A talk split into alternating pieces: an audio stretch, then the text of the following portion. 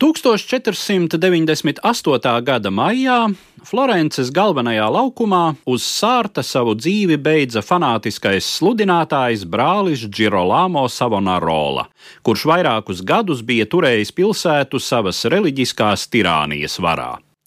Viņa laikā par apgrēcīgu un nežēlīgi skaužamu tika pasludināts turpat viss, kas slavināja un izcēla cilvēka ārējo daļumu.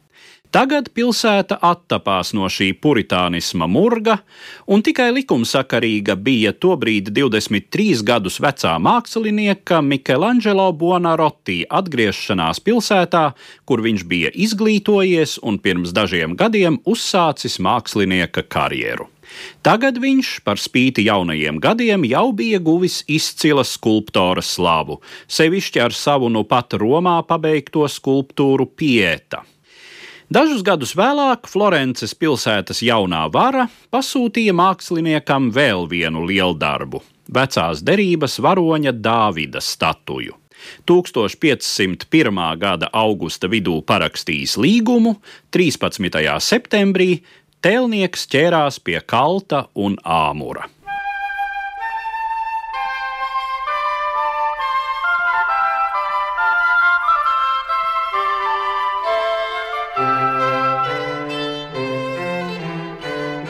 Mārmors, kas tika nodots Michelangelo rīcībā, no Karāras raktuvēm bija atvests jau pirms trešdaļa gadsimta.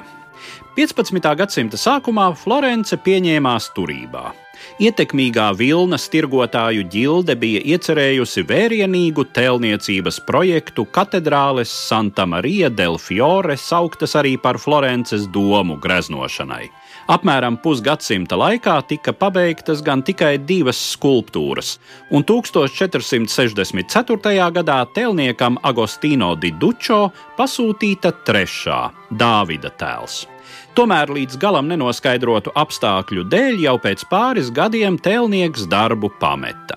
Līdzīgi notika vēl desmit gadus vēlāk, kad skulptūras pabeigšanai tika nolīgts jau cits mākslinieks, Antonio Roselino.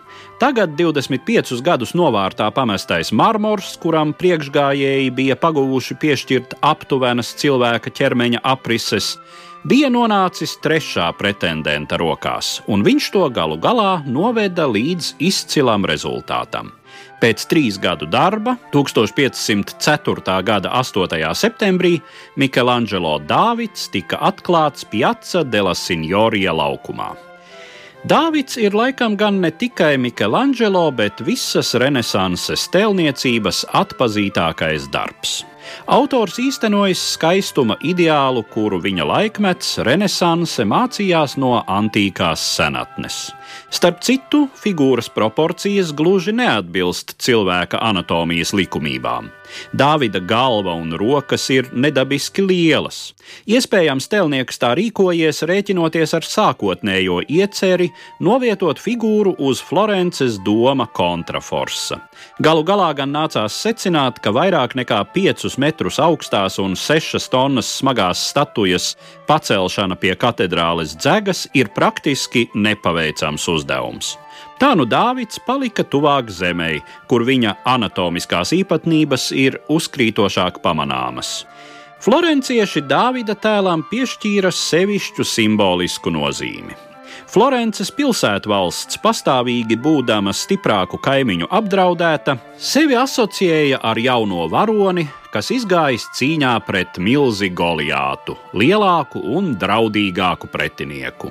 Zīmīgi, ka atšķirībā no citiem skulptoriem, kas arī pievērsušies Dāvida tēlam, Michelangelo rāda viņu nevis jau uzvarējušu ar tradicionālo nocirsto Goliāta galvu rokā vai pie kājām, bet gan pirms cīņas, apņēmības un saspringzinājuma pilnu. Šī izjūta pauž renesanses gara kvintesenci - atbrīvota, pašapziņīga un mērķtiecīga cilvēka spēku.